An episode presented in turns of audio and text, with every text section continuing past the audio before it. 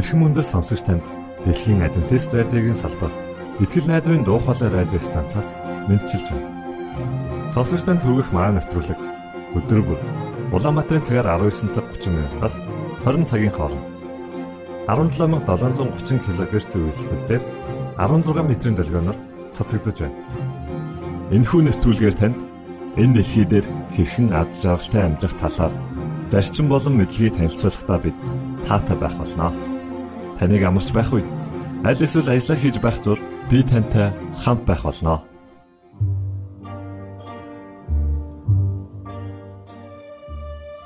Энэ өдрийн хөтөлбөрөөр танд Монголын Адвентист чуулганы ахлагч Буян бэлгийн зохиосон битгий уйлдуг хүргэнэ. Үүний дараа залуучууд зориулсан өөрсдийгөө байлдан дагуулагч болгон хөгжүүлэх хэмэх цуврал нэвтрүүлгээр уулзах болно. Та бүхэн таалан сойрхно.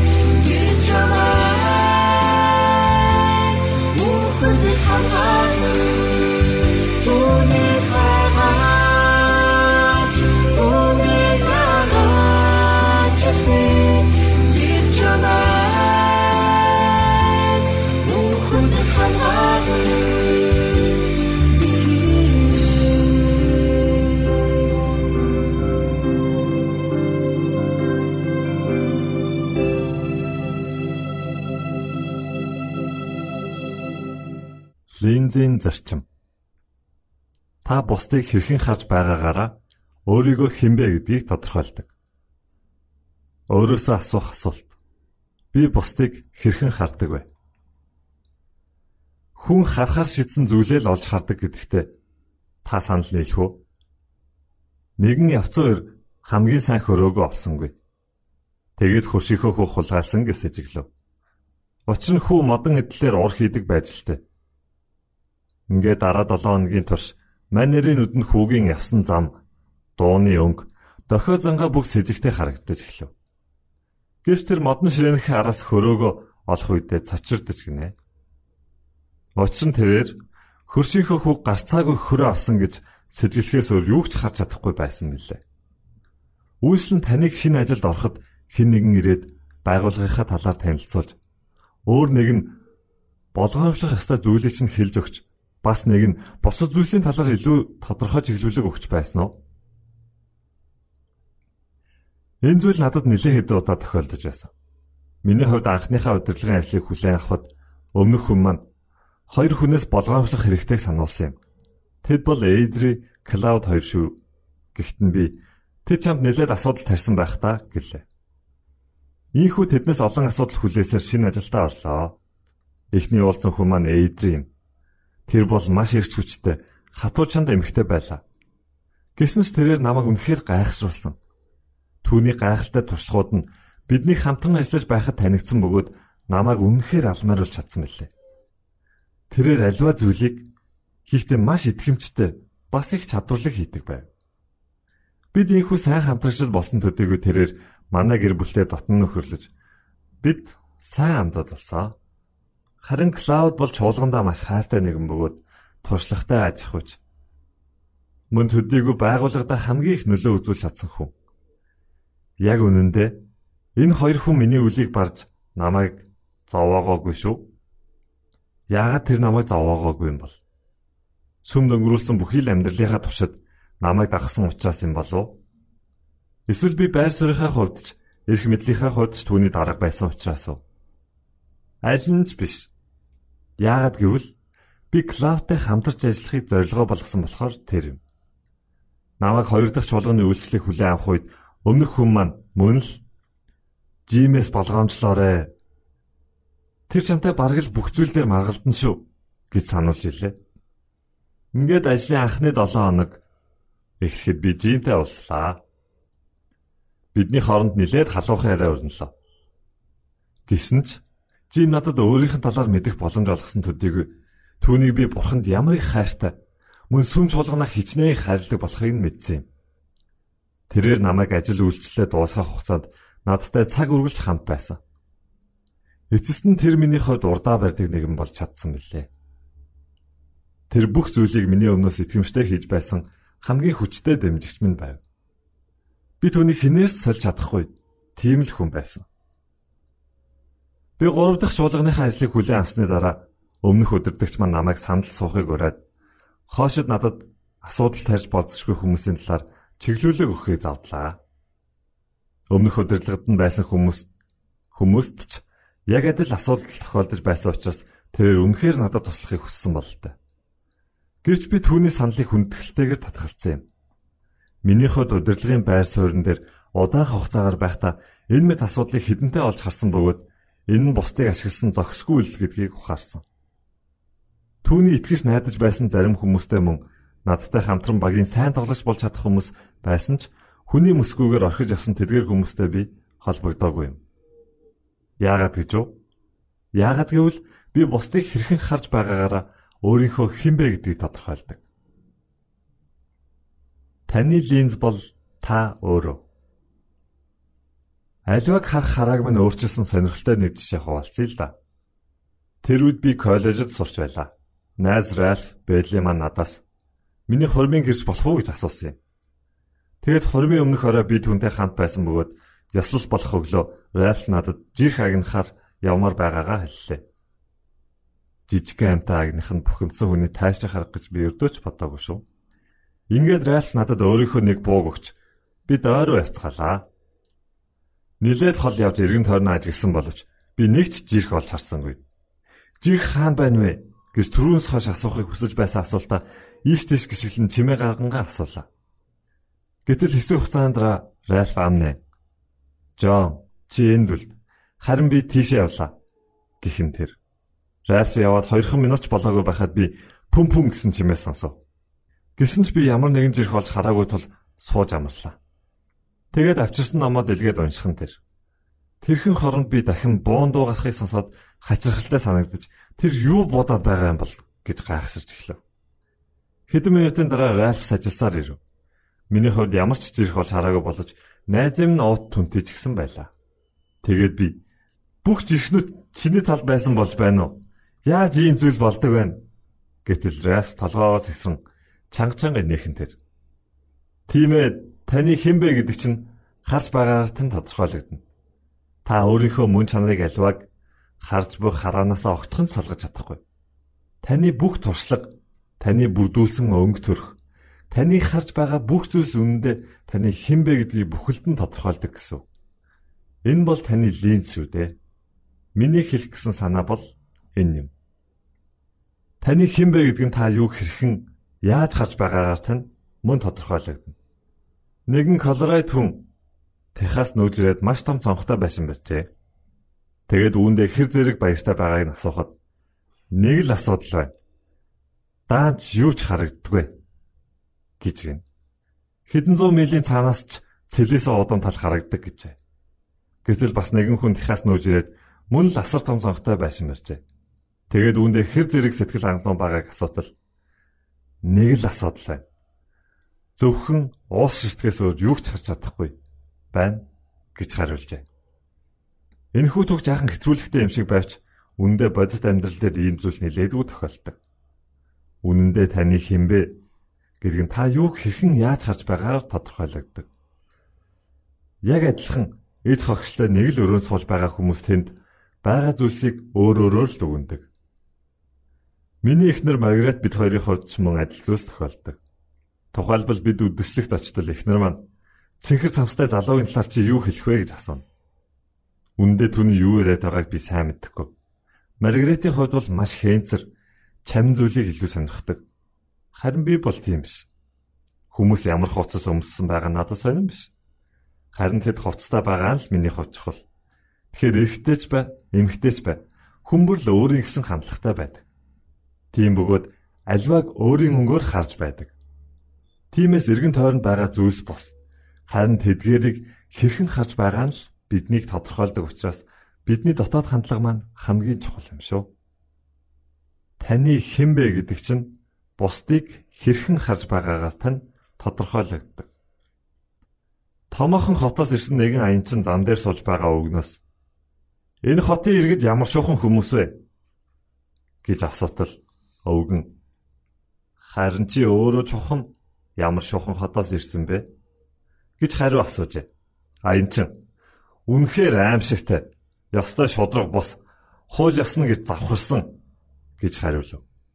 Тэгтэл өвгөн хөөх чи тэгвэл яг адилхан хүмүүсийг төвггүйхэн олох юм байна гэж хэлжээ. Тэгтэл эхний аянчиг дөнгөж өнгөрөөд явтал дараагийн хүн ирээд мөн өөх л асуултыг өвгнөөс асуухад Өвгөн мөн л аянчин чухам ямар шуухан хотоос ирснийг нь лавлжээ. Харин аянчин тэд үнэхээр сайхан хүмүүс. Шодрог, ажилсаг хичээнгүй. Өршөөл өнөрлөөр дүүрэн хүмүүс. Би тэднийг оргисондоо үнэхээр харамсаж байна. Гэхдээ нөгөн Тэр ч тийм шүү. Чи эдгэр хүмүүсийг эндээс олондоо олно гэжээ. Бусдыг хэрхэн харж байгаа нь миний жинхэнэ тусгал гэдгийг хүн анзаардаггүй. Хэрвээ би итгэмжтэй хүн бол бусдыг ч мөн шудраг итгэмжтэй гэж харна. Хэрвээ би шүүмжлэгдэх хүн бол бусдыг шүүмжлээл харна. Хэрвээ би халамжлагч хүн бол бусдыг өршөөл инэрлээл харна. Тэгэхээр гаднах байдлыг ажиглан харангуйтаа таны тухай бүдийг мэдэж авлаа гэж хинч танд хэлж чадахгүй. Харин та бусдын тухай ярьж бусдад харилцаж байхад таны хувийн чанар болон хинбэ гэдэг чинь илэрхийлэгдэж байдаг. Таны хэн бэ гэдэг чинь амьдралыг хэрхэн харж байгаагаар нь тодорхойлогдно. Хойсны нэгэн түүх өгүүлээ л да. Өвөө нь буудан дээрээ унтаж байхыг хараад ач хүүхдүүд нь түүнийг жаахан цайшруулж наадгаар шийджээ. Тэд хөрөгчөө онгойлгож нэлээд хурц үнэртэй Лимбургерийн бислэгнаас жаахныг аван сэмхэн дөхөж очоод өвөөхөө сахалтан түрхчихжээ. Тинхүү булан тойроод нуугдаа чухам юу болохыг сонирхон хүлээ. Хэсэг хугацааны дараа өгний хамар татвалзаж эхэллээ.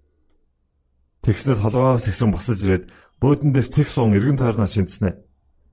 Хаа нэгтээс өмхөрсөн өнөр өнөртэй байна да гэлээ. Тэгтэл босож хөлөөж ширэн явсаар галтгооны өрөөнд орж нилээд гүн өнөрцнэ. Эндээс ч мөн өнөртэй адилхан гэж өгүүлсээр цэвэр агаар амьсгалахаар гадагш гар нилээд гүн амьсгал авсан ч өнөөх жигчмэр өмхийн өнөр өнөртгөн тэр. Цото ямар хаашаа юм бэ? Бүх дэлхий тэр чигээр өмхирч гисэн юм уу? Хэмээн өвгөн уулга алдаж гарав. Та үнийг ёсуртгууны хэмгэмжийг сануулсан түүх гэж бодож байна уу? Лимбургерийн бяцлаг өвгний сахалд наалцсан байсан тул хаасайгүй үнэрсэн. Гэхдээ аз болоход өвлөн сахлаа сайтар савандаж угаагаад л бүх өмхийн өнрөө арилган эргээд сайхан цэвраагаар амьсгалж чадна. Гэтэл хүний дотоод зүрх сэтгэл яг ийм өмхий жигсмээр болчихсон. Гэвэл харин ч жинхэнэ асуудал дэгдэнэ гэсэн үг. Та үнэхээр амьдралаа бүрэн дүрэн өөрчлөхийг хүсэж байгаа бол үндэ өөрийнхөө дотоод сэтгэлээ өөрчлөх хэрэгтэй. Бид бүгдээрээ эргэн тойрны хандлага, таамаглал, хүсэн хүлээлт, бусад хүмүүс болон амьдралын талаар өөр өөрийн гэсэн үзэл бодолтой байдаг. Эдгээр хүчин зүйлс нь өөдрөг, эсвэл гутран, зовлонтой, эсвэл баяртай, итгэлтэй эсвэл сэрдэмтгий, найрсаг, эсвэл зожиг, зоригтой эсвэл хулчир байх уу гэдгийг илэрхийлдэг. Бид амьдралыг хэрхэн харж байгаагаар болон хүмүүс бидэнд хэрхэн итгэж найдаж байгаа вэ гэдгээс дээрх зүйлс мөн шалтгаалдаг. Eleanor Roosevelt хэлэхдээ таны зөвшөөрлгүйгээр хинч таныг гонсойлгох ёсгүй гэсэн байдаг. Харин сэтгэл судлаач Phil McGrath тантай хэрхэн яаж харцахыг хүмүүс зааж өг гэж хэлсэн байдаг. Тиймээс та амьдралыг хэрхэн хардгаа хүмүүстэй хуваалц. Учир нь таны хинбэ гэдэг чинь амьдралыг хэрхэн харж байгаагаас шалтгаалдаг. Хэдэн жилийн өмнө NFL Saint Louis Rams-ийн удирдлагуудад хичээл зах боломж надад олдсон юм. Дараа нь багийнхан намайг тэдэнтэй хамт тоглохыг өрсөн бөгөөд надад Saint Louis Rams-ийн дасгалжуулагч Джон Мацкогийн эхнэр Кимийн хажуу суух боломж олдлоо. Тэгээ бид хамтдаа нэлээд удаан ярилцаж бид түүнээс өнгөрсөн хугацаанд маш олон газар тухайлбал Ohio, Hot Carolina, Arizona, Нью-Йоркт очиж амьдарсан талаар сонсож мэдлээ. Тэдгээрээс хамгийн дуртай таалагдсан газар аль нь болохыг асуухад тэр миний яг одоо амьдарч байгаа газар хамгийн сайхан гэж хариулсан юм. Тэгтэн би аа та Saint Louis-ыг хамгийн сайхан гэж байгаа юм уу гэж хариу асуутал үгүй дээ Би тэгж хэлэх гээгүй. Хаана амьдарч байгаа нь чухал биш. Харин ямар хандлагаар амьдарч байгаа нь чухал. Тиймээс миний одоо л амьдарч байгаа газар хамгийн сайхан гэж хариуллаа. Энэ бол сонголт. Ямар гайхалтай хандлага вэ? Хэрвээ та альваг харах хараагаа яг үүн шиг байлгах чадвал амьдралыг үргэлж эрэг сайхнаар харах болно шүү дээ. Таны хэн бэ гэдгийг тодорхойлдог таван зүйл. Таныг хинбэ гэдгийг тодорхойлдог ямар хүчин зүйлүүд байдаг вэ? Магадгүй та олон зүйл нэрлэж болох юм. Гэвч дараах таван зүйл нэн тэргуунд тавигддаг. Нэгдүгээрт удамшил. Хоёрдугаарт өөрийгөө үнэлэх байдал. Гуравдугаарт амьдралын туршлага. Дөрөвдүгээрт өнгөрсөн амьдралдаа хандах хандлага ба сонголт. 5 дугаарт нөхөрлөл. За удамшлын талаар авч үзье л да. Маргарет бит хоёр залуухан амьдралын туршлагагүй байхдаа хүнийг бие хүн болон төлөвшөд удамшил буюу ургийн өсөл тэгтлээ их нөлөөлдгөө гэж боддог байлаа. Харин хүний төрж өссөн орчин нөхцөл байдал тухайн хүн хэн байсан цаашид хэн болох вэ гэдэгт бараг 98% нөлөөлдөг гэж бодож байлаа. Хүүхдүүд чинь өсөх тусам нэг бол тантай маш адилхан. Эсвэл танаас төсөөрхөн болдог. Бид Joel Porter болон Elizabeth гэдэг хүү охин хоёр үрчилж авсан. Хүүхдийн хүмүүжил, боловсрал, зан чанарын төлөвшил нь маш чухал гэдэг нь үнэ. Гэвч хүнийг цааш өсөж хөгжөхөд дээрх орчин нөхцлөөс өөр нэг зүйл нэлээд том нөлөөлөл үзүүлдэг гэдгийг бид олж мэдсэн юм. Энэ нь удамшил юм. Таны удамшил буюу ургийн үүсэл сайн эсвэл муу мэдээ авчирдаг. Таны мөн чанар болон зарим зан чанар таныг эхийн хэвлийн урагт байхад бүрэлдэн бий болдог. Энэхүү үйл явц тэгтлээ бидэнд анзаарагдгүй хэрнээ үнэхээр аимшигтай мөн гайхамшигтай зүйл юм. Энэ гариг дэлхий дээр амьдарч байгаа бүх хүн төрлөختөн өвөгээр дамжсан. Гэхдээ таны дургуй чанарууч бас үнд бий. Харин та эдгээрийг эргэн тойрноос сурч олж авдаг. Таны сул дорой байдал зан чанараар тань илэрдэг бол таны давуу байдал таны авьяас чадвараар харагддаг. Үндэ та өөрийн удамшлыг хизээс сонгож чадахгүй. Өөрөөр хэлбэл та өөрийн удамшил болон ургийн үүслийг хизээж өөрчилж чадахгүй. Таны хэн бэ гэдгийг тодорхойлдог эдгээр таван хүчин зүйлээс зөвхөн үүнийг сонгож чадахгүй ч бусад дөрвөн таны цар хүрээг жаахан ч гэсэн тэлэх болно. Хоёр дахь зүйл өөрийгөө үнэлэх. Зохиолч Илиот тэмдэглэхдээ өөрийгөө л чухал гэж боддог хүмүүсээс болж энэ дэлхийн тэн хагас нь хохирол амсдаг. Харамсалтай нь тэд бусдад хор хохирол учруулж байна гэж огтхон ч боддоггүй. Чухам өөрийнхөө төлөө сайн хийх гэсэн эцэс төгсгөлгүй тэмцэлд улайран зүтгэдэг гэж хэлжээ. Тиймээс усны төвшин тогтоохтой адил хүн өөрийн төвшинг тодорхойлдог. Өөрийгөө сөргөөр үнэлдэг хүн үргэлжил хамгийн муу хүлээдэг. Түүний харилцаа эвдрээ зогсохгүй бусдаас ч сөрөг зүйлийг олж авдаг. Гэтэл эерэг үнэлэмжтэй хүн өөрийнхөө төлөө хамгийн сайн сайхныг хүлээн авахын зэрэгцээ илүү их амжилттай байж бусдын чадрыг олж харан амжилтаар нь ч бахархаж чаддаг. Сэтгэл судлаач Натанел Бранден хэлэхдээ ихэнх хүмүүсийн хувьд гэр бүлийнхээ орчинд өөрийгөө үнэлэх үнэлэмж нь бусдайгаа адил тэгш байвал амар тайван сэтгэл хангалуун байдаг.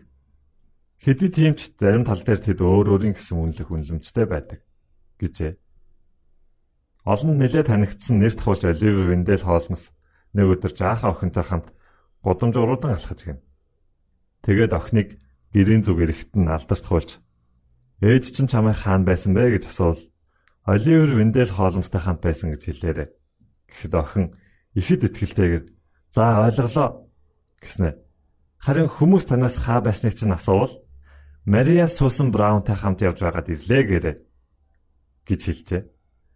Хардаа өөрийгөө үнэлэх үнэлэмж нь эерэг хүн ингэж л ханддаг юм. Гуравдугаар зүйл буюу амьдралын туршлага. Эрт цагт нэгэн тосгоны ахмадууд залуухан хожин зааварч хэрвээ чон харвал бүх хүчээрээ чон чон гэж хашгираарай гэж хэлжээ. Тэгвэл бид буу шийдэм өвсний хадуур сэрээгээ бариад очино гэжээ.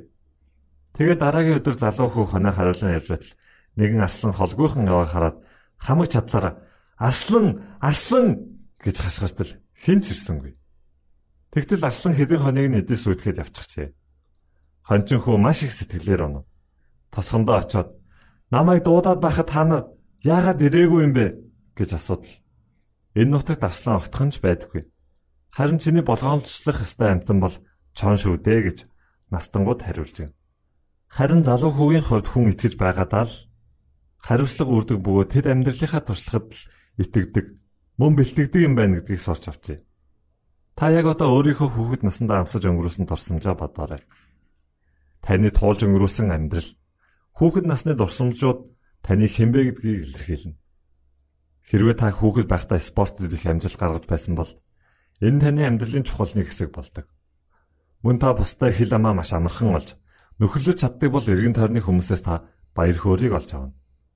Харин та хүүхэд байхдаа гадуурхагдан, шовдрлогдож, бүр хүчирхийлэл хүртэл амсаж байсан бол эдгээр нь таны амьдрал нөлөөлдөг.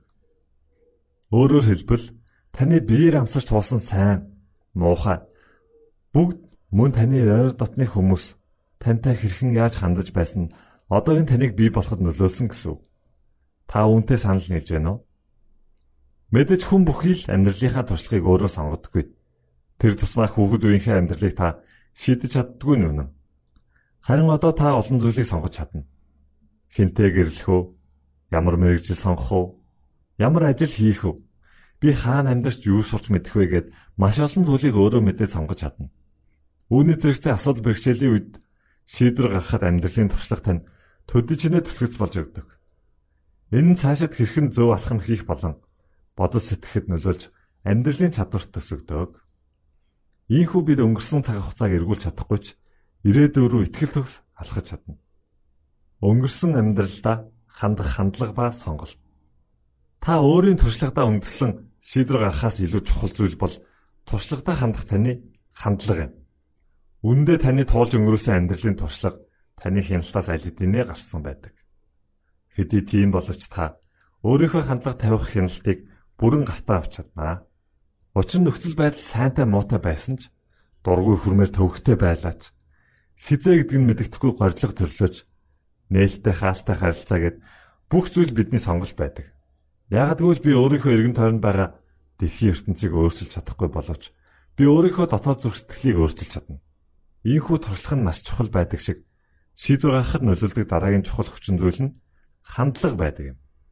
Таны хандлага нэг бол таныг босгоно. Аль эсвэл таныг сүйтгэнэ. Энэ таны ямар гэр бүл төрсөн, ямар очин таныг хүмүүжүүлсэн, таны ядуу болон эсвэл баян байхаас үл хамааран нөлөөллөө үзүүлнэ. Энэ бол сонголт. Итгэл найдрын дуу хоолой радио станцаас бэлтгэн хөрөгдөг нэвтрүүлгээ танд хүргэлээ. Хэрв та энэ өдрийн нэвтрүүлгийг сонсож амжаагүй аль эсвэл дахин сонсохыг хүсвэл бидэнтэй дараах хаягаар холбогдорой. Facebook хаяг: Латин үсгээр Монгол заавад AWR Имэйл хаяг mongol@gmail.com Манай утасны дугаар 976 7018 24 9 Шуудангийн хаяцаг 16 Улаанбаатар 13 Монгол улс. Биднийг сонгон цаг зав аваад зориулсан танд баярлалаа. Бурхан таныг бивээх болтугай.